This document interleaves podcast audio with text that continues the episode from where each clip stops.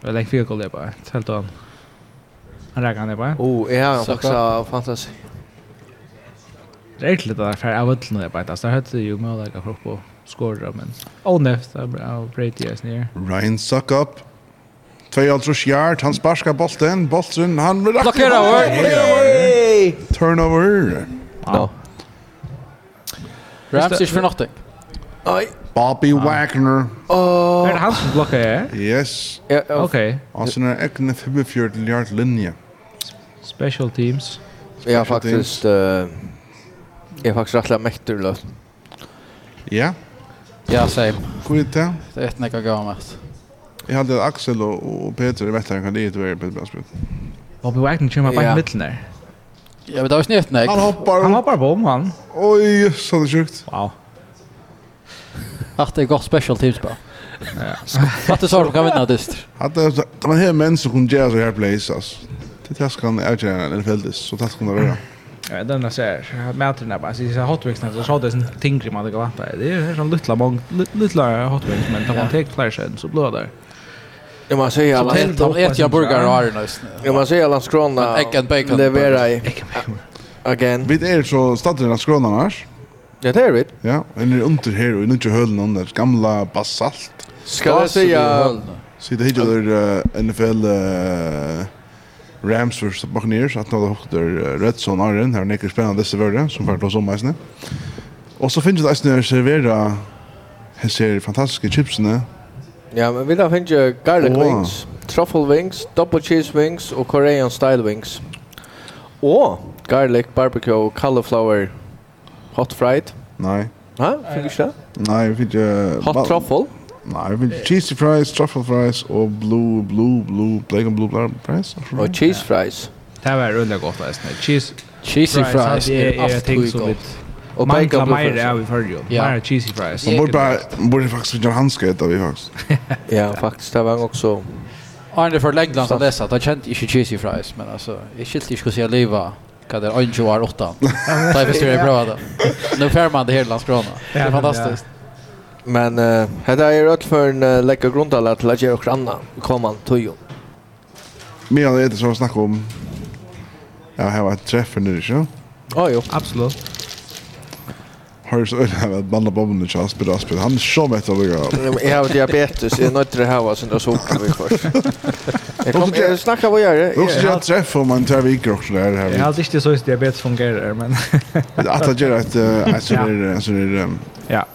En trial till så träff. Vi då snäcker möta upp och om nok om man möta upp så kommer vi kanske göra också i i wildcard round eller playoffs och då där. Ja, vi tar så nämligen med det. Vi saknar inte det är NFL eh bar eller sportsbar stämning tjena som han lukar manglar inte för ju och det Ja, som säger den general inte kanske här vart landa upp upp på köra här på en här man kan här man kan mötas då och hitta NFL samman och ett gång med och ja. och såna grejer. Senast det väl så Jeff i förrjun tar i glittner tar i i hade och se också och och och Cardinals spelade Vad tar det? Det står. Jag vet inte. Jag vet inte. Det är en Ja, men tar vi den fjärde folk och så folk här, Men så. Men man säger att omsorna... Det är Josef för stadion. Ja, ja. Men omsorna här, här uppe i Landskrona är faktiskt rättliga. Gåar. Rättliga väl. Ja. Amorliga väl. Men också har träff. Jag har typiska vink. Han brukar vinna gå av kors. Här är pool och dast och en skärmar. Korrekt som framförland 6 av. Så kan man göra också tillbå till mat och kanske några öl eller något. Och packa och en packa. Jag vet inte. Let, Awkward. Let's do it. Och så. Let's bara ut av en fel förra oss. Ja. Fick vi.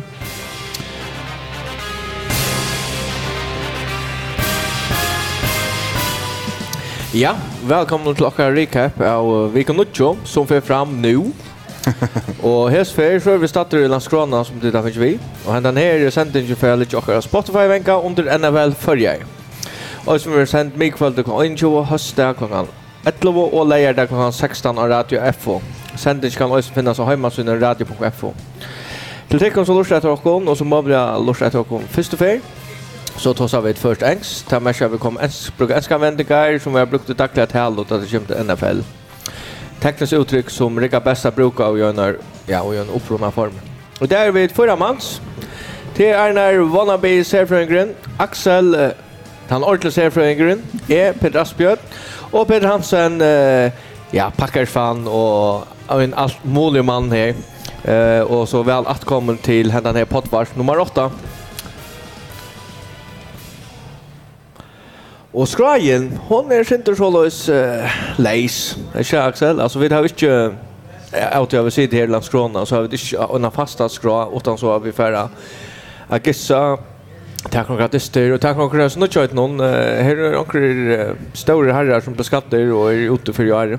Ja, vi tar oss som det att, att, att nu, är man kanske ikke lykke att jag sätter sig nu i statistiken nye statistikken i så, for det er noen, og jeg ganska ganske lukka ju upp men er litt jo en uh, frukst i minnen og, og lukka som vi där sitt saman, hukta det styrst og haft några som reaktion og saman på det, altså, så jag Går det fungerar och så nu är det bara första omfärd i oss. vi sitter här akkurat mitt och ut gör omfärd och jag vet inte när men men uh, vi tog så att det gör det runda legal. No. Ja, det är rätt. Är svartar. Och det är ju inte så som så Peter, det kan vi tackar det vad som det kommer. Det är inte Ja, det har du kanske kvar men det tror jag att hvis man hever det som idag är någon väntar till möter mikrofonen så så händer detta. Men uh, ska vi tacka tog inte först eller kvar är vet jag faktiskt uh, hukt så väl efter tog inte. Jag vet inte att Michael Thomas ser ut. En gott faktiskt för för näst först december ja. Ja, och som alltid vet uh, ta väl lucka kommer fram och synter ta tag suständiga på men nu kan man kanske lugga nämna det. Oh ja, absolut. Det är Ha? Nej. Ja, det var mer att uh, Dan Snyder, nu hickar han faktiskt efter möjligheten att sälja Washington Commanders. Mm. För här han åkta och nu har han faktiskt bi advokater hick, hick om det era möjlighet. Ja, men det är att Dan Snyder har varit uh, också snack vi anklätt någon senast nu. Ja, han gör snack bort. ja, han gör snack bort, det kan man rulla säga. Men uh, här var annars ett, uh, ett ut att han själv var uh, möjlig att lära sig på ett NFL eh Lucas Mauer i uh, världen. Ja, Bezos. Ja. Eh uh, och han eh uh, går för en ja. Sindra Penko och Jeff Bezos är uh, i løtene hever han uh, netto vi ja, 115 milliarder dollar. Det er altså cirka 900 milliarder kronor. kroner. Uh, til Sindra Penko. Og er uh, til større monor allt for uh, den var Broncos er selt til uh, Rob Walton som uh, för ja omlag 4 dem dollar. og Commanders uh, ja jeg vet inte kvui. Men tar for vant at det får kosta 1 til 2 miljarder mer enn Broncos. Det var ju mer. Det placerar inte nice nu i Washington. Inflationen så här så viknar. Ja krutcher och grina.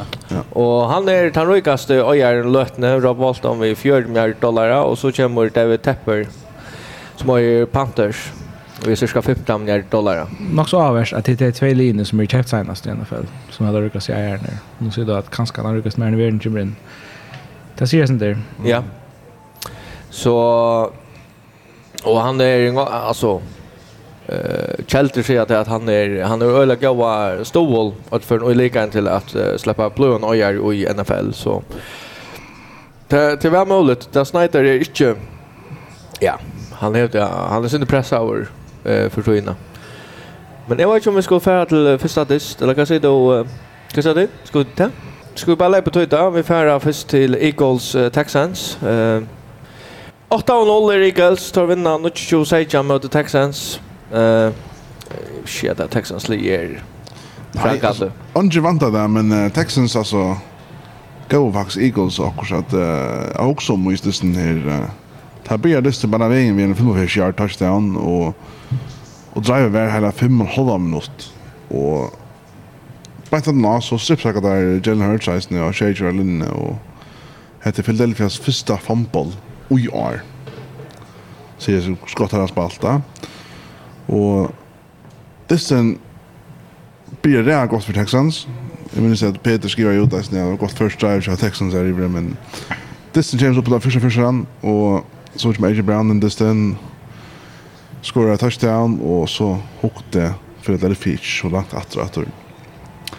Men uh, det var veldig skrekker til Eagles, som faktisk har en ekstremt latta byrjan av dystan som uh, Agnar Presta nok nevnte av av Watchen Joke Nice um, Ja, som man kan säga att det är som man lyckas ramsa där uppe. Lions, Vikings, det är den enaste distan man kan säga helt en ordentlig god distan. Vikings.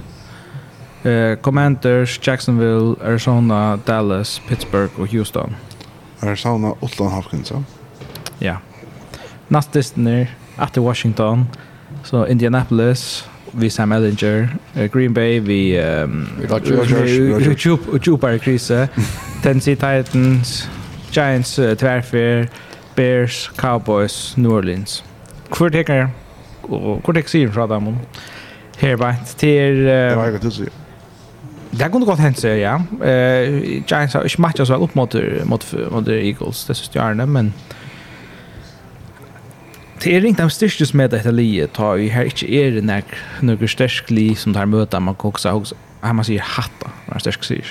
Ja, altså det er ikke noe spill, så Chiefs møtes, i rundt fem på veien. Ja. Og, men uh, vi må ikke glemme at det liet her, 11-0 liet til Steelers. Nemlig, ja. Det er det jeg sitter jo også om, altså. Ja. Tar det en ekstremt lata början och det har vunnet noen klokkstister här. Det har inte bort det har vunnet i overhøver, det har Steelers liet. Och då sa bare det kommer møter som Tar man kommer till playoffs, wildcard down så vidare, ja. Till ta linje skulle pika. Det är ju viktigt att det finns det där du ska gå gå det 100% ut så vidare, ja. Det finns det shades när var va oncha sia and det finns det playoffs. En mån till alltså. Det vill säga att Eagles må halda formen og de må inte också avvidra gåer og så ikke leidet förbättring till. Hvis jag litt klarer seg ytterligere eller mian så rör det alltid å forbedre seg sjåan för att man kommer på næsta level. da. Her Eagles kan også, ok, vi har Det var NFC Lomanna. Men uh, Og eisen av vi, hvis du ikke vant det vi at vi er 18-4, og her Jalen yes. Hurts skal bære det innatt i listen. Mm. Her du var 18-4, vi tog ikke stigen i måter Tampa Bay, eller Los Angeles Rams, eller også orta. Du tror ikke 5-4, 18-4, og har vunnet listen ja? Sjokker det? Jeg, jeg, jeg vet ikke, men, men um, jeg tror man er Giants, ja, Dan Jones. Ja. Ja, och Giants har men imsa jeg var så. Men lukka mig. Eh, hvis vis du lukkar som bare har haft latt av disse her, du har störst i hemma. hva hent så att du først motstand? Da ta får så suttja, hvordan lengt det har ber. Ja, ett fun fact. Då här Arne för vi läste sen. Ja, så nu så han det Jalen Hurts till att ta för och spela vem det så vidare. Så här Patrick Mahomes tre högsta win rate i NFL Men han är handikapp av att toucha något för. Toucha något mer för. Så han tre hacks av winrate i NFL. Och här hinner här han själv är nummer 2 lagt. Här hacks av winrate. På början nu. Så han touchar sig att han för så är han helt av 0,2 av fjärsen också winrate som är fullständigt ansvagt. Ja, det var vi vill alla minnas nog när det disträ kan vara att för nog snack vann. Ja, men så var så var han ju så var att han för vi tog i öllen playoff det snart spalt. Ja. Alltså nu just vi går. Nej, just vi går. Tar vi sen. Touch det bara vi vann det Men ja, nästa så jag går till några såna här spännande smaker vidare. Här ett Chargers Falcons Joe Seichan vinner Chargers og jeg vil si at Chargers var uh, rankande. Da vinner. Falcons kom om 4-0. 2-0, ja. 2-0, ja. Jeg tenker det er lenge at Torbjørn Chargers kom i gang. Um, og, og faktisk så skuffa Chargers med nok snakk, men sånn her distet, til at, ja, min, min av åner øyne huer til, til Chargers. Uh, Blösen skuffar att eh kalla Agna kallar det för fraudly i alla fall och jag vet inte om det är näga ut i men um, tar kommer så åter mot Falcons och ändna det han han fick så där skällt vi stävit alla var där upp jag köra ta i uh, Chargers har bulten vid 30 sekunder efter så fumblar Austin Eckler bulten och uh, att ha a a vi field goal range ja?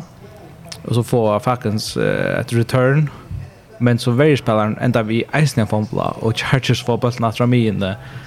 Vi lyckas knocka ut till att få bulten opp i field goal range ena för träd og, og vinna distina. Eh, men um, Chargers er så oj Jag kallar det inte mer för wildcard League. Jag tror tror det bara att han kan spela vi i divisionen här på mot mot Chiefs. Nej, nej, nej. Nej. Det är inte formen där på nu. Nej, tar tar blir jag väl allt men på när vet han blir skattad och kallar det sitt väg eller tror jag. Ta har det är väl lugg i bussen det alltid. Ja. Schalt om där. Schalt om där inte vunnit mot Chiefs då för statistik. Bästa med vår Vi kommer an. Cornerback. Kommer an och lite. Så skarpt men man säger. Ja. Men annars är det Falcons är det faktiskt 8 division jag säger. Ja, nu är det så 4 och 5. Alltså, hade det vunnit hända distan så har jag väl helt klara sagt att det är vår jobb i NFC South. Och jag faktiskt säger att det är det nog. Marcus Mariota är en nekbädd quarterback man vantar här, va? Ja. Kan Pittsburgh om 18 som var en disten där, isnä? Och så är det en spelare som är ute i 6 veckor som är 18 och Arna för ut så var han helt uh, stannande gav vårt här resten av Cordell Patterson. Och då kommer han efter det och, och för två touchdowns på den vägen så... So en mister til Timon, en, en spiller har mist nu senest til snart, og det kan være vendig til Timon, på akkurat måte, men uh, og i år er det helt ekstremt ringt å si hvor vinner for dem. Som så det alt dømes. Men man må bare si at her at uh, Chargers var bare bedre den, jeg ja.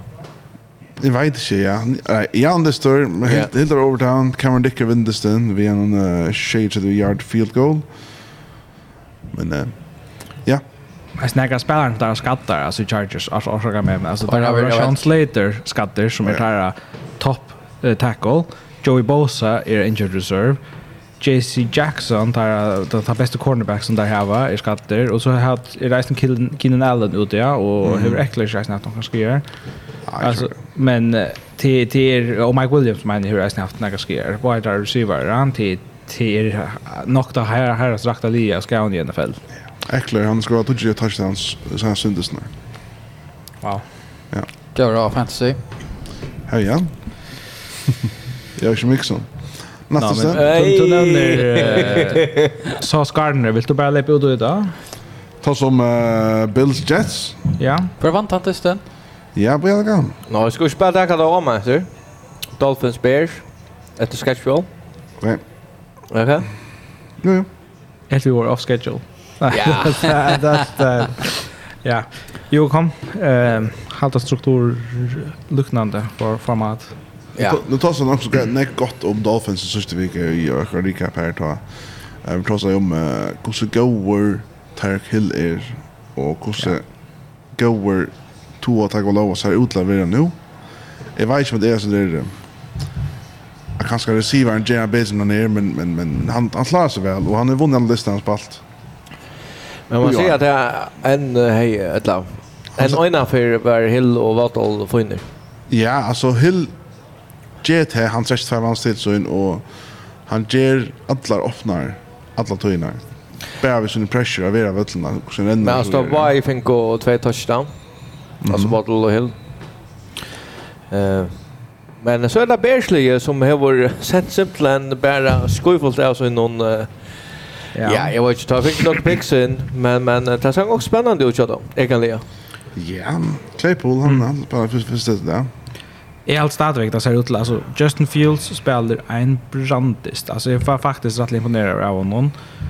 Eh, han kastar bara för 123 yards, men han renner för 100 och 8,5 yards. Han har 15 uh, carries i Disney. Och det verkar faktiskt som om han totalt ber där. Alltså, där skorar ju 32 Steve i honom och han får liksom ett a comeback och är vi och jag shootout ut motors ner Miami Dolphins all upp någon som här här var flera spelare av position och här på det.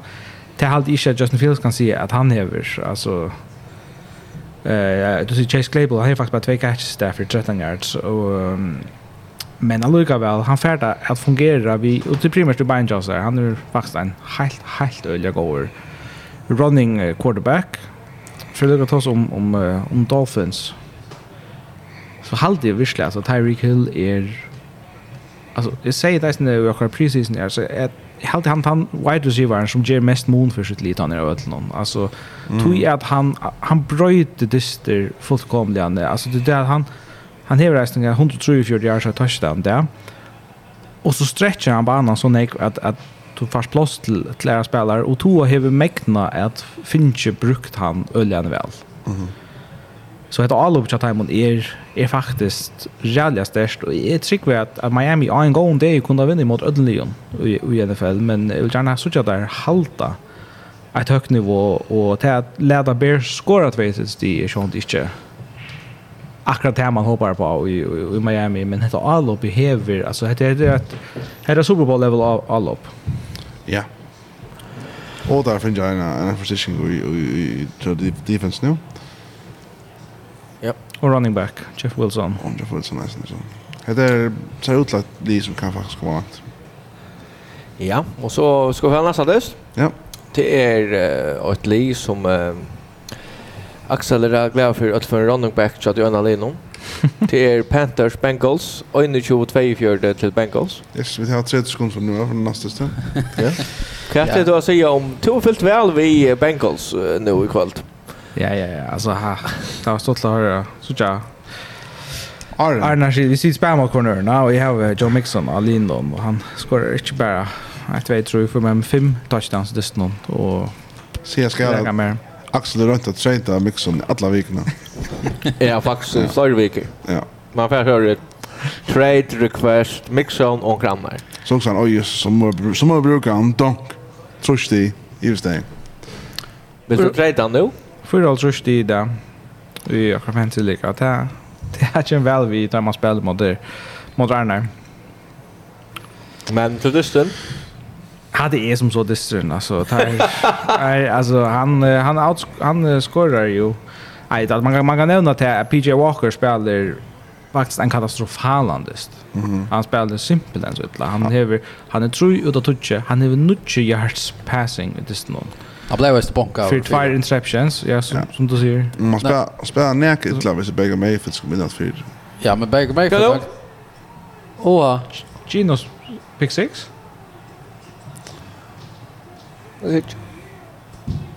Ja, men uh, vi det var rest Gino Sonic. Ja. Och så ger han det. Ger han det till live on air alltså. 13 till Cardinals nu. Spännande syn. Third quarter. Per Frank är näka spänter nu. Ja. Men uh, Bengals är startar ju. Ja, det är det som jag skulle säga var att uh, Mayfield kommer vinna efter. Han har väl att uh, nog inte få uh, en starkt efter för Panthers men uh, det vant ju ganska anfär nu. Han har lyckats göra dem tre touchdown. Han spelar väl. Ja. Två alltså 105 yards och två touchdown. Han spelar faktiskt öle väl där kommer in. Det är allt. Du trycker vi har för chansen att nu. Men jag gör ju just nu för viktigt att se positivt review för det. Pitcher Walker. Nej, men uh, jag tror inte behöver jag ta ut som Cardinals tar det tar 44 år. Nej, jag försöker. Carolina Panthers. Och och Cardinals, va? Ja. Jag vet inte. Jag får se ja. Till uh, den nästa strun. Ja. Strun till nog. er Lee som uh, ligger nära hjärtan och Chapetor. Peter. Det kallar det sista veckan. Packers uh, Lions uh, her, uh, Lions vinner. Gott nok hemma vet du. Ja. 15-20 mot Packers. Vilket sa och Peter säger Lions för vinna. Ja, det kunde prata lufta till Rick här från Sjögo. Ja. Vi gör en soffa. Kan se om dysten Peter. Katastrofale dyster av Aaron Rodgers. Jag har brockat mig om han för det så kände inte och han är han är grunden för Packers Hero. Alltså spela så vanligt. Oj Inte inte Ikke til at hinner er og altså, pura fagfri slätt slett i røver Men jeg minnes en potvarspe ta Berjan første, og jeg er sier til så du vid at uh, Rodgers gjør hinner bedre. Du snakker om det jo alltid Adams før. Det har han gjort. Vi ölja nek kvar. men ta med den uh, kastar 18 för upp om och vi så inna och Jackson spelar. Är det alltså Rodgers som får en ett lärda är det receivern? Ett. Rodgers, gör. Det är det. Men kan man ska alltid Anna för borde att vana dig. Det med att säga där så där kom där kom quarterbacks alltså där spelar för lunch och då bör tar missa armen. Borde du data fram och från där och så hur illa läkar spelar som inte vaccinerar. Men man ska inte sparska lika man. Pris var onkel vanlig. Men han vinklar nu tack. Nej, inte att. Nej, nej, nej. Men alltså men det lysten självan eh alltså man ser att det att Ja, faktiskt också överraskande, okej? Det är öliga överraskande. Alltså, Distrin sitter i 0-0 uh, rävliga luncher och faktiskt har Packers tvärfärna bulten i red zone och Rodgers kastar interception. Det ena var så rävliga ta blir till Aiden Hutchinson här, den, den nästa. Och han har ju trott interception så det nu. Alla red zone. Alla, ja. Öjna 8 yard linjen. Öjna 8 yard och hinner i en sån. Ja, alltså så det är faktiskt tar få flott bulten kan man ju säga. Ja. Och på vettel men det är som det är ju en lötnar det tar bara pura off här bara. Och det det är rätt löje att så Roger Rogers spelar så illa. Det var jag mer. är är håller faktiskt att jag på ett vill säga att de har stått nästan spalt i karriären. Ja. Han har en touchdowns och två interceptions. Han och han kompletterar bara helt när Gustin Chaser. Så han borde finna lön ett performance basis bara. Det borde. Yeah. Det är näck bättre. Men ett kritikpunkt som är av Rodgers är ofta värd att han tar onkan i apert. Det är alltid onkan annars för skyltarna. Och nu ösnet till till presskonferensen att han så säger han I mean, I played shitty but never gave up. Obviously I didn't want to lead us in rushing but I made some plays with my legs. Alltså att jag skjuter han efter spelaren och säger att han var den bästa vid först. Alltså Kassa. Det var expert. Should have seen running backs där. Ja, här är running backs. Vanligtvis är det där receivern som får skylten eller offensive line. Det är sällan running back från honom i armen. Här gör de tom skylten alltså inte så. Men säger jag, jag spelade vann allt, men han lugg aldrig bättre än tidigare denna vart. Men är det alltså Rodgers som tappade dysten eller var det Lions defense som vann? Så helt klart Rodgers som tappade dysten. Lions defense, the Vars defense i NFL. Ja, bäst spelare. Outplayer Rodgers det helt sjøs er Rodgers under press alla tiden. Alltså man man har det förnemmelse av av en bara lucka där ner. Ja, det tar som du ser Rodgers tapp det är defense spel väl. Det viskas nog med han är off i den custom och tekniken tror eller vad vanlig. Ja, Och det är ting som som är kanske kan också alltså man kan spela bara kvui händer det här. Så kan det MVP för i fjör. Och alltså det som är kanske kan nämna till att alltså Rodgers har ett så naturligt kastetall att det är väldigt lätt John alltid kastar där. Man ser att det är vinklan där och han backar och kastar. Han är ju ganska inte det mest uh, upptränade, perfekta fotarbete och fundamentals i sin kast. Och där kan man se att det här så tar armar börjar kicksa eller ganska med motivationen i vändning och så att hon börjar dela och så att så börjar kosten lukka som affärer en liten skafft där. Han är inte bara kan stål och på att han bara alltså knallar han här som man ska skalla innan. Ta så jag vet att han det gör han inte. Kanske förstått och så för att han förspelar nu Florida Street. Kanske jag så vart. Det är bara snabbt gott. Ja. Men alltså Packers tappt. Ja. Fem distrar redan nu och flera att han mot vana den Leon. Kva kva gör det alltså är har ju hur att säga. Alltså Matt LaFleur är han inte hötter just nu. Alltså ta bort jag, ta bort jag vet. Eh ett månader månader inte ordentligt än. Och hvis man ska trycka att hur som man så Packers medierna säger här i i USA så är han inte on the hot seat värre än så än. Det är alltså jag tar sjutton att det är inte ändliga coaching som så. Det är alltså sorry man kastar attan för en spelare och pomma en spelare och tar det att ta kanske inte coacha. Tar bara spelare som blir bättre. Eh så nej en halt är inte men så det riktigt säga. Eh. Mm. Det kan ofta vara något irrationellt så Ja. Ja, men man kan säga att kan är det nej bara för att få vänt skuld ja. simpelthen. Att det går så illa. Alltså det heter heter är ju djup kris att du klarar vinna mot Lions och då tar hem det. Ja. Men här ska man Men det tycker här ska man ju snuxa sig om alltså är det visst var vi är vänner någon eller quarterback någon. Ja. Det kölja när jag sa som vill ha bara prova Jordan Love nu vi kommer att spela på legal. Vi tackar vad det här vi gör. Är det att du också säger, va? Ja, jag har köpt möte. Kanske skiftat femtal ut av bossen där lagt. Nej. Jag ska inte ta vad bussen gör med. Vi får blasta sen. Ja. Till till Raiders och Jaguars. Och Raiders tapper allvarliga. Tjej jo jo med Jaguars men eh oj oj snä. Så vi ska nämna 3 november så då gör jag med år. Och hvis jeg sier Ray Guy, vet du hva det er? Nei. Eh, Nekkur fotbollsexpertar åt för här. I Call of Fame. Han är kanske den viktigaste om kanske den bästa pontaren nära i NFL. Han blev 42 år. Och så är han legenda Farri i NFL. Eh, Regai spalt i 14 kappingar NFL. Och han spalt i alla dysterna i Raiders. Eh, men eh, Han uh, var också i Los Angeles alltså. Ja. Eh och han är ju också några imponerande eh rekorder men eh, han var den första och faktiskt den ena spontan som närkande jag blev draftad över första runt. Oh.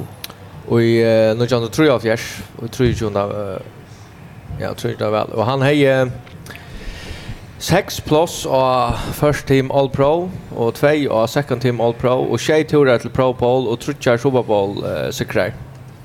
Og han uh, og i 2014 blev han uh, Hall of Famer. Han har 15 år og on the ballot eller ja. Jo. Så han uh, jag blev den bästa pontaren, blev vald bäst pontaren av fjärsen och ta NFL och i förra fems uh, valde det bästa lijen näkrande så var eh eh var han valtur. Och ta George Öster samma alltså ta det George Huntra års jubileum. Eh så blev han och ta sönasta. Det är att han är den ena spelare i Hall of Fame som bara valtur som pontar som som ämne som pontar. No, men han där var ju så länge han blev valtur. Han sa att bo ju något lunch men då så som att det vi att att pontar valtur i första rundan. Vad snackar kickar senast valt för strunta? Senast Erik Profession. Ha? Fantastiskt. Nej, nej, han har aldrig fint runda, men Det var i 2000 Sebastian Janikowski som Raiders tog tog. Så där tog jag en där var det en kickar för stund där. Oh my god. Han var han var en god spelare då. Men alltså jag spurgade lite kan jag en kick en punter ju i uh, Pro Bowl? Det var alltid ett i förhållande till honom. Men ja, det var det, till bara höjre. Det var en undertog, ganska spalta Arvis. Men när jag hade tar man färd så det här akkurat som ska göra och så kommer in men alltså ja, och en legenda här. Vi kom att lyssna här The Temple Jaguars nu. Ja. Vi sist vi tappade 4-0 mot Saints. Ja. Som faktiskt är ett väldigt li en Jaguars. Och i munnen hette, vet ni? Hette jag där är det alltså. Hvis du kommer playoffs så... Tar tar tar tar tar Men lukka vel. Tar byrja dysten til har vi en 20-0 føring. Axel. Og tar tapa til Trevor Lawrence som knapplega kommer her og tek seg saman og vinner hela dysten her for Jaguar. Ja. Hette er fullstendig latligt at också om at her er ju som division som, som Chargers, Broncos og Chiefs og vi tar seg om at det var ikke Adams kom her där får jag kappa till toppen här så vi gör det och det här är fullständigt koxa och där där kanske är Usman smartare om grön mitten till universum det kan jag vet inte gång för den alltså han är väl klassa spelare såna så här och han crumplar och chokar alla två Men uh, Josh, uh, Josh Jacobs fick bara 23 yards. Här under det. Men det verkar som om att här stäcka pura upp i your knowledge. Alltså att han hade lärt sig åtta. Mm alltså att det var inte atmosfärt tulje dist två länk touchdown catches och och det verkar som det är lösen det där som som Raiders så här uppe på på ehm ja det det är inte förklara akkurat kvui att det det bara totalt kickstartar dem. mot Jörn Hollage och Jaguars kommer att ju dist den var var ju stay nice när Hollage någon men och ja ett annat ger att jag så klara att eh att få mera kontinuitet ut av alloppet, og det har alltid tegnet Ulle uh, Kjelit av Josh McDaniels. Ja. Tar head coach, han börjar vid troplag och det mynnar vi. Alltså Raiders är 2-6, det är en katastrofal början. Det var ju liksom skulle kappast vid i divisionen, och bara nu är det där Så lukkar vi där attast i AFC halvt igen nästan men um, det vi tar som Broncos och dräcker till heppa inte alltså det är nek friare heppa inte. Chat Hymon and the Raiders. Ja. Jaguars är Schweiz i NV vi sån här division kan man säga. Nu fick det lucka. Alutsentra är luft. Ehm och en god annan hållare från från Trevor Lawrence och särskilt Travis Etienne var god där. Så där. Ja, så det går. Det var så först bit nästa där. Partnership. Så har jag faktiskt möjlighet till att jag kommer till playoff. Alltså, men, alltså... Men spela pool på, ja. De var väl att slå ner i sån här... Pinnon. Pinnon, det har det. Ja, vi där annars i Landskrona. Och Ja, jag vet inte hur det slår på men vi är i Landskrona, och vi sitter i Jontor, och i Gavon omstånd. Men alltså, jag spela polo på Ja, Ah, ja, Maltesten. Ja. Som slåss det Raiders, slåss det här. Nå, ska vi ha Laftesten, eller ska vi bara... Vi vet inte att det är en mojda, eller vad är det? Jag kommer bara Ja, men vi är då så som du har då vid spetchen och vi vid där i Landskrona. Äter gott och ja. Go hålls vi skiftar. Calls Patriots. Och man har haft Patriots och sen fantasy defense så så ställer väl till. Du tar fick nästa igen av kontorna. Tar vinna 6-7 tror jag med Calls. Calls har han kan Jonathan Taylor, Matt Ryan ute tar nytte ikke at at jeg er nære som mest løtene. Man vant det kanskje at jeg føler det sammen, men uh, her er ikke skila. Og Bill Belichick, uh, Patriots og Foxborough, altså. Han er vår ordentlige styr av rookie yeah. quarterback, så det er, yeah. her er han stats seg ut, og minst han kjøttene, men han er gøy.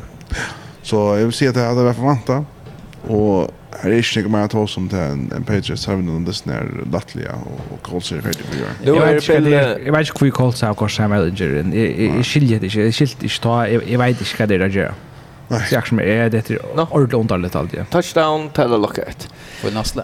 To, uh, men annars uh, så är Bill Belichick han vann så en seger nu är han 22 säkra från att uh, färra i rum de kjola. Ja ja. Stilla kvar vecka. Annat det görs. Det som blir the Brady saga. Man ska åka något kvar vecka. Ja ja ja. Annars Tom Brady i alla fall. Till Det är ju kort. Spencer. Till uh, ja, jag har inte snackat snack om Patriots och Colts här är inte något att säga. Men Nästa dyster. Ja. Som är små avverter. Det är uh, New York, New York Vi uh, torra av natur och i playoff uh, pratar. Tar vinna hemma 26 med Bills. Ja. Och tar vi till podcast samsiken, du ska se det stolt där. Ta säger Okej. Att Jets vinna. Ja, men du kallar ju att... Och jag säger, nej, jag säger Sauce Gardner här Stefan Dixel-Loman. Tar valde så stein fyra akkurat tvær cornerbacks av Stefan Dix. At var två män av Stefan Dix, double coverage. Och quarterback lägger som Sauce Gardner, Ikke takk til Gabriel Davis ur listen. av Arnesten så hever och år Sauce Gardner inte lova mer enn tre receptions etla 20 receiving yards som den närmaste defenderen til och jag. Och sen lofta i mot honom. Mer enn 20 yards. Vi har handlist. Eller tror receptions. Alltså han är näkt han är han är svacklig. Alltså han näkt den bästa cornerback. Gabriel Davis där, han var on all listen. Han fick två receptions och fick 3 yards. Och det är du vet du kalla i faktiskt. En reception. Ja. Att Gardner skulle göra en interception. Och det gjorde han nästan. Och i såna så play. Yes. Det har gjort en interception. Nej, nej, nej. Han gjorde bara ett arm. Just samma. Jets vinner distan och tar er avvis en playoff-spot som ungen har vant vantat. Nästan. Det är faktiskt galdan för Berg New York Carolina Ocean Giants. och Så det här som inte för mig nu är snä minst där. Så ska det spela Packers han har så cheesehead hatten där Jack Runt. En fantastisk match. Ordla, alltså ordla ett ungt spelare. Jag hoppas för Chiefs också oss. För då är det ganska. Men ja. Aktuellt kan säga då. Ja, så vet jag kan man kan säga om om alltså om det Jets lead här är Om man räknar så att säga att det är legit alltså jag ska kalla det för en AFC contender men playoff lead ta ta börja ta Lucas Chadaimon. Mm. Verjan är öjligen god eh det kommer faktiskt inte då men då alltså Sauce Gardner ja vi har vi nämnde flera för den där alltså helt otroligt god cornerback. Eh så hade Eisen Quentin Williams och linjen där som som, som spelar eh, genialt faktiskt Eisen är en av de bästa i NFL på nu. Ehm är är sist att direkt här att ta och alltså Zach Wilson inte hever vust mer i NFL och helt chans han här det alltså Zach Wilson hever 104 ultra passing yards och ett touchdown och här angår den där så ta play med Hooksar wow Zach Wilson gjorde det och hur skott här på han gjorde munnen där. Ja? ta så långt man inte har det här sin liv så så har vi inte tryck på det. Ta man ta man sig också mer men men ett tryck vid det är helt realistiskt att här komma i i playoffs. Mm. Men tacka eller Alltså om minst det att att Jets har mist Breeze Hall. Och stämmer för att finna att kan allt rätt och i Robinson som spelar för hans där. Och så har det Michael Carter second year John och han han klarar sig helt väl nästan så. Det finnes erstatta Breeze Hall beina veien. Men uh, det mest innsant er det at uh, en av beste quarterbacks i ligan spiller så ringadist Og det. Ja, Josh Allen spelar uh, spelar illa. Ta det han inte dum. Alltså han har Archan utanför 30 ehm Auguston. 25 yards och 2 interceptions. Så han kan bjerga sin dag vid han han räddar så väl. Han rushar 6 yards och 2 touchdown. Ja, akkurat. Alltså det det här bjärgar honom och så men det är helt gammalt där man säger det då så om att när men Josh Allen där var sån rushband ofta ja alltså han han häver tendens så så så en tendens till det ser helt fenomenal där och så in i mitten så kommer jag ser det från honom det är Det tycker man bara ska blöva via på vanta av honom och Bills som alltså tar er så rävliga hänger. Tar färre här Josh Allen för där. Alltså. Men det är också avvärst att uh, ja, Singletary og James Cook hava kan jeg der, 24 og 16 yards til er til er øyla løyte og mån til han er ikke og så snakka vi om uh, så Skartner, men altså Dix fær 53 yards som det meste men alltså ta kunde runda bollen och sen Moira Bills. Det gör det. Där där dam kör den bollen i Buffalo. Ehm till en hamn linjen för som rända minst i Röver. Tar akkurat trade för Nahim Hines ur Indianapolis och han släcker av banan. Ehm det är bara Singletary, James Cook och Isaiah McKenzie. Josh Allen är ju den farligaste running threat där här var sin linjen och det här syras inte det hela. Ja, jag man kan bara ändra det där vi, alltså hvis Josh Allen inte spelar väl så spelar Bills helt väl, alltså så blir det där tappa. Mm. Ja, ska vi höra till den sista dysten som eh, som är livor. Och det är Vikings uh, Commanders och här Vikings uh, vi har någon uh, ja. Vi var vi har fått i rush. Ja, öliga tattat för men tar vinna 20 och 16. Och man kan se att det att eh, det här står öliga jämnt då lunch. Eh, men uh, Det enda så vi att att uh, Vikings klarar em nästan knick vad säger hem. Och ja, Washington Jedi kan fejla ändå om det någon som som kostar sin där här ju åtta kan säga chans tjej i i fjärde quarter men um, så så får Vikings väntas någon bena vägen faktiskt här vi att tar först så jag field goal drive. Och så i början av nästa drive så kastar Taylor Heineke en kritisk interception. Ja, så jag rätt en. Ja, som ger att att uh, att Vikings får en stor bana av upp i Jauna. Och tar inte så vi I feel goal last när är inte klass så tar fem mot rätter och där skulle skjuta field goal. Så ger eh commanders en uh, roughing the kicker eller ett annat unnecessary roughness unnecessary roughness penalty som uh, ger att han faktiskt får en utan first down och redan klockan alla vi ner och skorar så field goal och han så att det är en dumma sig sen där. men Vikings är tjej och ett det är Det ska man inte glömma. Alltså där där flick på under radarn någon angstväcknande av av av dem linon som vi söker som några av de största och i i NFL och så spårningen kvui alltså om vi inte har allt att ha rätt lakvärt Det är bara att de ångade ju ordliga ver så man ja alltså magnificent att de ångade vunnit och alltså bara knusta ett litet sånt där. Ja, en lojar gör. Spalt bara evil det inte alltså det är väldigt tattigt dyster som Hesen och kanske också kan de vunnit sin det bara ju på sånt men det är det är väl Packers dystren där alla första och det här tema det här tog man synter i början det tar som en fluk att det väntar man kan köra för allt där. Eh men det var ju att det är goer och men det hade nog vantat att det var goer. Det Vad tar komma Garanterar playoff. Ja, det gör det. Men det är samma ja, kritiken vi har av av Eagles ju just. Ja, schedule ganska inte hur vi är så ralliga där. Steins det där så har tappat er mot Eagles, men vi får så just här här möter ju Buffalo Bills i i nästa vecka så det är faktiskt rätt intressant att se att Gustav så match upp emot Timon döms han. Och då möter faktiskt en press här Buffalo Bills Eller, ja, då är det faktiskt så börjar blåa mer och mer och pressa här. Uh, och mån till uh, divisionen jag säger. Astoria och 6 och 2. Jets är 6 och 3, Dolphins 6 och 3 och Patriots som, som börjar få oss ett defense av varlig upp av Kaira, tar 5 och 4. Alltså Patriots är helt skjut, jag. Alltså öliga tött division. Ja, jeg vant att ta lucka at, at Bills færre stävist du. Alltså så är det rymligt lagt. Men att det här är ju så så jag vill. Så så tappa Vikings ute. En att tappa. Ja.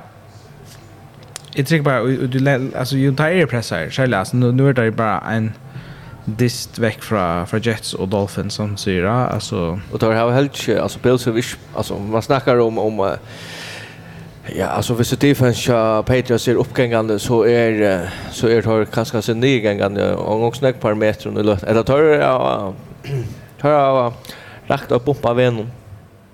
Eh, då ska få lucka tinchna eller mel Charlie mel efter här i Buffalo. Men alltså det öle av över allt ju. Och säger att du tar kapast om de matchsidor. Det har nog det mest här där i Jester. Där vill jag ha de matchsidor och i Chiefs. Eh för lika som Vikings åter alltså så tar det sig ju ett och jag NFC här i Taberg Eagles som som är framme för där. But nu eh Cowboys och Giants är åtta för vi 6 och 2. Men ska man hitta till hin nästa divisions förare så är det Seahawks och Falcons till dem så. Eh, jag vet inte om Vikings skulle vara bänkna för att missa sidingen i förhållande till att vara nummer två, men eh, så jag tycker att, att här kommer få en för goda matchups i playoffs. Och det skulle inte undra mig till att här är vi och ute i alla sjösta tror jag att ting som man kan säga med NFC till det här är mangel och på en absolut styrk. Alltså, det är som att Eagles, vi kunde vi ha korsna ge om att chans kan inte kredit är bara nu då ska ställa i NFC men här är inte ett li som du kan säga hatta li är ordla ordla gott i NFC till till här hick de är helt linje är starka i AFC i det NFC så allt kan hända här på och Schalland alltså Vikings halde man man må ha där vi i the mix. Alltså absolut. Hvis man kommer i playoff så kan allt hända. Ja. Det är så säkert så att det tar kommer sovande till till tjej säkert det är inte där kärjer men det. Är mer ja det kanske man kan kanske inte samma lucka där vi Packers det sista åren vi att alltså nej nej för att oss om nu tar Packers över går för det tvätta sista åren att det är så fraud Lee som har vunnit 13 dister. man körde se gosse där kunde ha vunnit 13 distrikt vi talenten och haft alin något att där går men kör går det är ganska inte samma som i Vikings att det väcknar lucka alla vinna där alltså där är det nog går att vinna där och det kan man komma längre vid tycker vi Men alltså för snack om uh, AFC. Här är det ju mer jämnt. Här är det ja. Alltså här är inte en uh, favoritter som säger okej. Okay, uh, alltså inte lätt nu. Så täcker divisionen så är Bills 6 och 2. Ravens 5 och 3. Den så Titans 5 och 2 och Chiefs 5 och 2. Ja, här här här är inte gröjor. Schalt om vi säger att här men men men uh, Chiefs uh, spelar väl ett lat vars där till till. Men men det är inte groje favoriter som uh, som du har i hinner det ett lat Alltså är är vi här utla säga att att Bills och Chiefs är det där. Det är grejer favoriter och i i AFC. Och så är det lösen till. Men vi tar öle stäsklig stadväck. Alltså Ravens är absolut en kandidat i det här bänt och Dolphins, Chargers, Bengals, Alltså det är öll faktiskt öliga stärsklig. Vi hjälper eh. Ravens manglar också det år. Det är för ja. ostabilt att bottennivå är för lågt. Ja. Till att jag tycker ju på att de kan göra något särskilt. Tar sko alltså efter att uh, att Bengals inte kommer att uh, ur halva där första posten där kött. Tycker jag. Det blev det sånt. Jag var helt över att Jamar Chase blev skattor till Bengals. Ja, han kommer rätt så han, men ja. Men skattor i tror jag förra veckan eller vad det var. Ja, det är synd. Ja, det är synd så man visste inte ordentligt hvordan lunch där blev men jag synes här her, kanskje långt. Men man ska minnas till att hur viktigt det är vid sidningar. Ja. Alltså, regular, alltså, det är inte bara så att man säger man ska bara komma playoffs och så kan allt hända. Det är så rally skjoltan även så wildcard league komma i Super Bowl. Det är faktiskt ordentligt längt i mitten. Ehm och och det är faktiskt eller skjoltan det är inte liksom de ett eller två som kommer Super Bowl. Ehm Och till dem som nämner det, Vikings får nummer 2 sidan, så häver det rävden jag kan se att du spelar hemmabanan första disten, och du spelar hemmabanan nästa dist. Och du spelar hemmabanan i Conference Championship, utan så du möter nummer 1 sidan, ja. Um, Vävren till dem tja en och li, alltså, alltså, som li som sådant och kappa som vi ser, vinner divisionen lite, ja. Box, Rams, Bengals och sånt. Alltså här helt alltså när jag säger att det att du först divisionstiteln fyra har en lättare vi en lättare vi till Super Bowl istället för att skulle köra det jag var kan rotna det är jävligt tungt. Ja, det är det. Eh jag vet inte hur ofta vi får wildcard lag som vinner Super Bowl men ja, det är ju ofta. Eagles var en av dem och hade vunnit och korsen, ja. Hur det? Eagles mm, nej nej nej det var nummer 1 sitt. Det var det rätt okej. Ja, alltså box Jordan. Ja. Som tar det tar det vunnit. Så var det nummer 5 sitt. Ja, så det tar det. Ja. Ja. Okej. Men hatta var tar live Disney då eller som vi har det. Ja. Vi är två gånger men jag vill tacka på här i Landskrona. Jag finns jag några mål Ja, så vi kan gå kaska lucka. Skulle röra lösen till time nice när så Seahawks framåt då. Jan Fjörstam mot mot Cardinals och Gino Smith har ju en pick six och Janne som vi inte reagerar på, men... Det ser ut som att de klarar att göra allt, så är det till. Ja, och i allt alltid som man säger att Seahawks är faktiskt är gott li. Ja. Mais ska tagga seriöst i så att du och i NFC, alltså ödlen för när man kommer playoffs. Jag vet inte hur jag ska ha där i förhållande till att till att i playoffs kan det kunna göra. Men den divisionen här, hon är också... Alltså, ja, Gino Smith spelar hamrande väl. Alltså man som simpelt om att men spelar faktiskt ordentligt väl. Det är bara för game management. Han gjorde han ger plays alltså han Nu har han haft en pick six, men han plier sig så. han har inte gjort sådana fejler i år. Det är slett inte han med man känner att det. Han har ju sitt av bunchen i flera lion i NFL. Ja. Och han har en backup quarterback, alla tiden där, och han har haft chanser, har han haft. Ja, alltså han har han börjar han börjar som starter. Relativt högt där sen ja och han har haft några starter men det är bara det att, att han är väldigt själv går. Nej. Han är ju i Seattle Ice nu i en tror jag är lockshort och bara sitter att han för Russell Wilson och man ska ta ta ta trader Russell Wilson booster så båda ju man får Drew Lock retur. Ja. Och man väntar ju Drew Lock man får ju hon en chans. Han var draftad över i är det tre runt för några år sedan. Man kanske tror här kanske vara också ett i honom. Men kanske där tog han in för att få den, den största pushet till att uh, ordentligt utfordra Gino till att ja. uh, steppa det största skrittet. Kan vara till att... Uh, jag gick till Pete Carroll säger också akkurat oj Gino.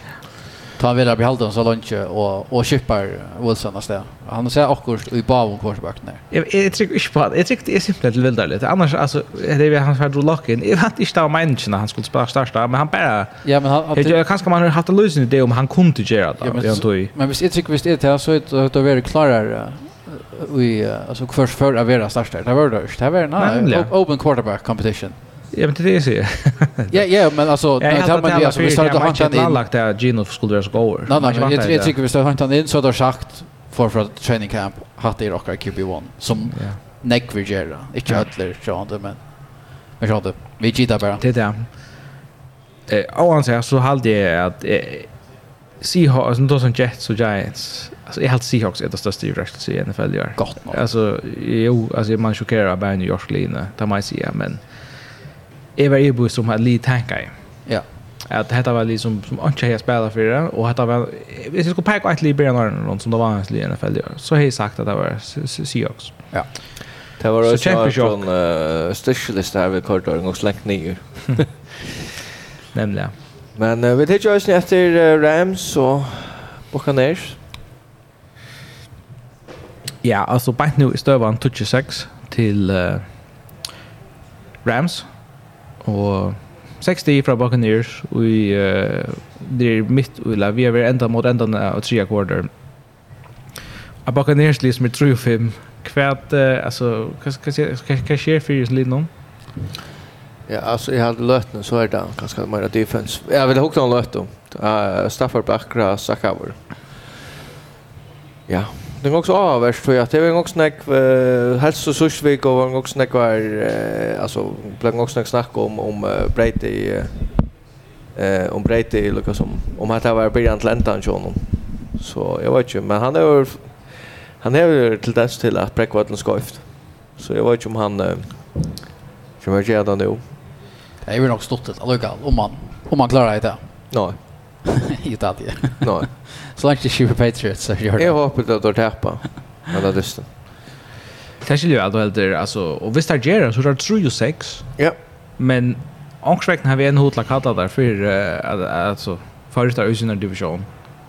Tror jeg at det er så stor mangel oppe av styrke for det. Altså, at det er ganske Saints eller Falcons som skulle fyrir oppe og gjøre det. Panthers lucha, mulig hvis det var hans linje enn feltbank nå. Uh, Ødel for en annen Men, um, Buccaneers här är spotla sig till ganska lima hoxar. Även behöver in playoffs. Och så vill så checka Brady kan göra. Ta vi kommer här till. Tror jag att jag hade inte man kommer om dum till Här är inte ting, här är inte ting hemma privat. Alltså Brady saga en som där vi jocknen. Och han kommer ut och hävdar vad han har läst Arius i sin karriär och han är inte lutsch sig från i fjör och han mer än akra för en jöknen alltså en en synt en skilsmässa som en blöna och synt offentligt tror jag att det är så offentligt per.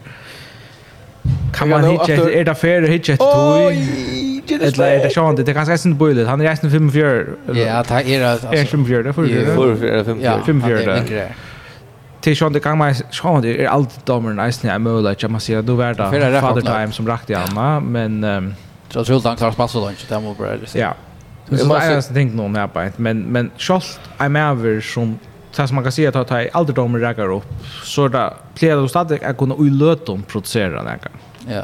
Och det här är spänt på så om han fyra kunna. Om han fyra kunna få ett landa på sig snäll innan. Men vi säger inte klara playoffs är så färdig. Utan så har fått ett annat liv. Nästa år. Vad annat liv vill han ha? Härlig som vill. Fortniners. Han vill till Fortniners. Fortniners hade det vi spänt på. Ja. Det tycker jag att ett det har rätt. One last dance.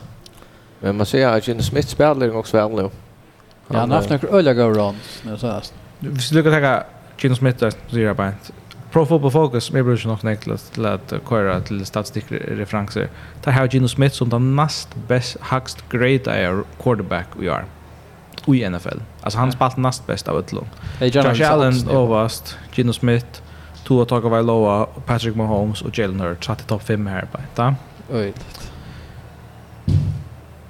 Så det sig ta sig centralt igen. Ehm men Iceland Luka syns vi anför inte den Rams Super Bowl vinnaren där att så jag vet inte att de så så där skulle här bara. Det tageron och tire ja. Det var faktiskt inte lite chat av i armen jag vant faktiskt alltså jag vant stadigt att här är tar isen i vi i bulletin så så svagt som det jag var alltså så kan man säga li som här var formdök som stadväck är vi ute i Så det hade NFC är bara så vi uppe och och det som man sa vid timon för det är att toppa på det här touchpunkten. Ja. Det är röda. Så mycket mer nåt det där. Vi tar som Eagles och Vikings som kanske gör det går då. Stålar vi till patar i januar. Kan en hans ner linjen till dem så väntar där vi och så toppa på det rätta tidpunkten och jura skakon. Ja. Ettla färda, ettla färda på ner och man ser att det är om att det är blade till näggar. Tack ska skott för. Ja. Men det är så svårt. Ska vi ta Ja, vi tar till Titans och Rams uh, Titans och Chiefs och Ravens och Saints. ta hat vi ett uh, så känt tänk. Eh tar uh, Disney som kommer alltid. Så att Disney Touchdown Seattle. Ja. Så nu lockar där sin Disney. Vi uh, ser man nu uh, för att Sheamus rätter 2014. Där borde det vara klart.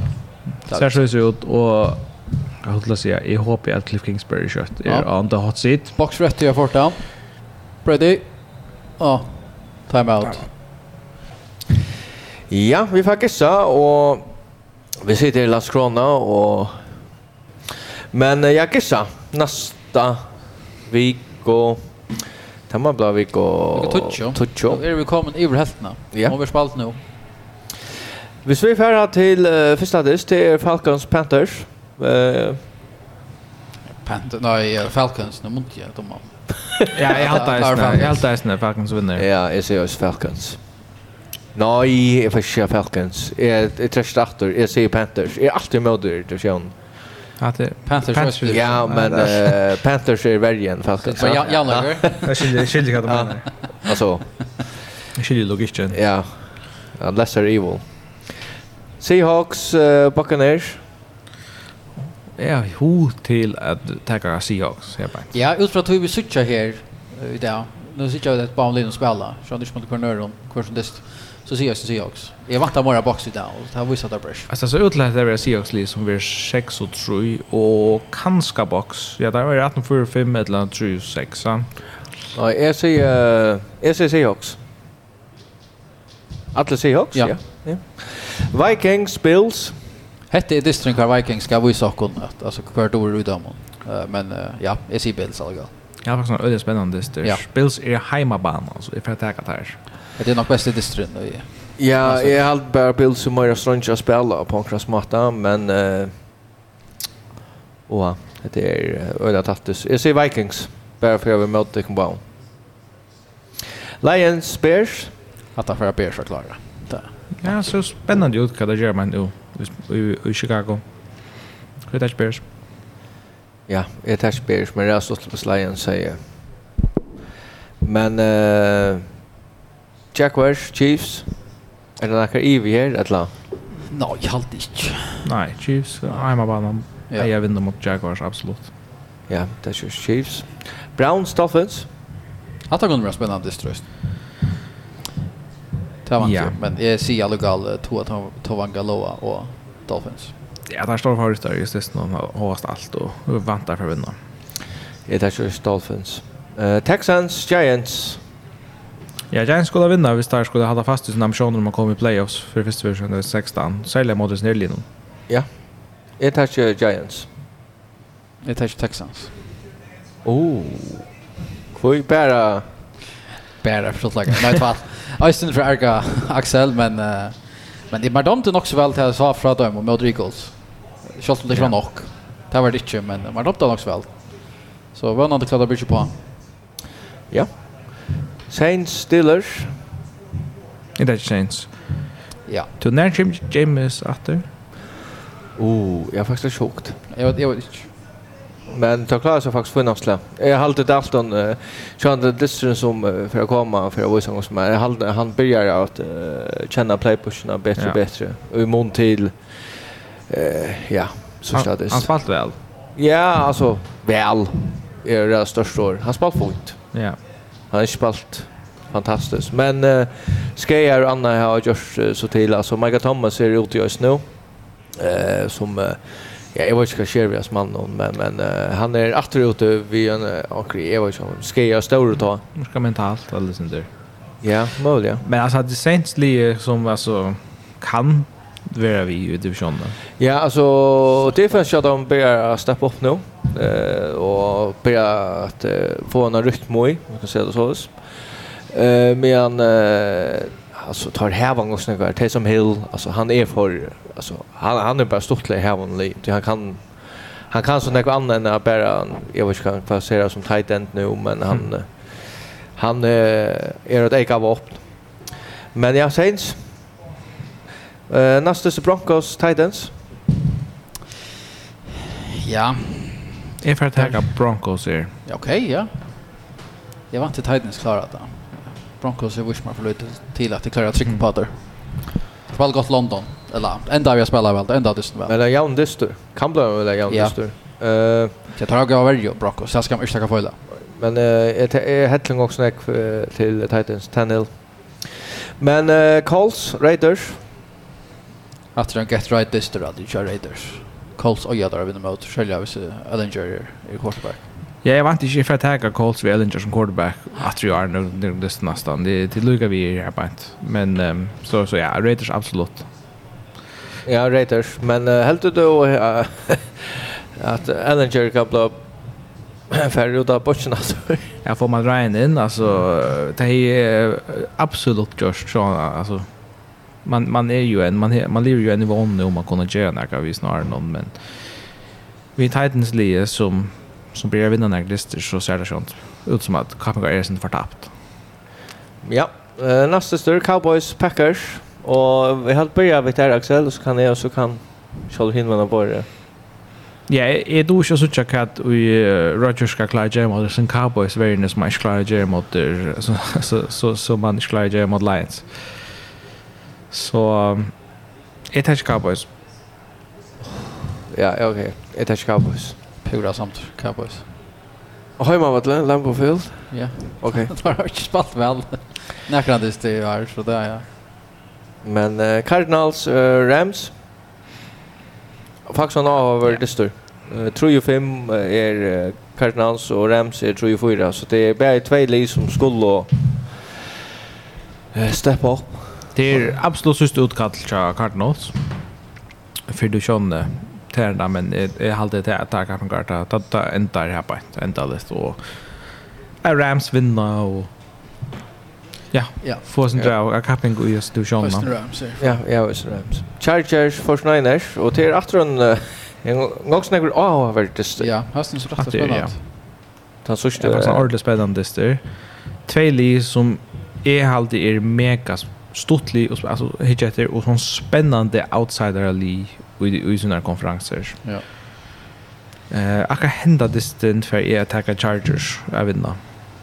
Jeg tycker att CMC är agent faktorer till att ja, Chargers är vurs man för lite och sist då så sviknar till ordla klara psykopater.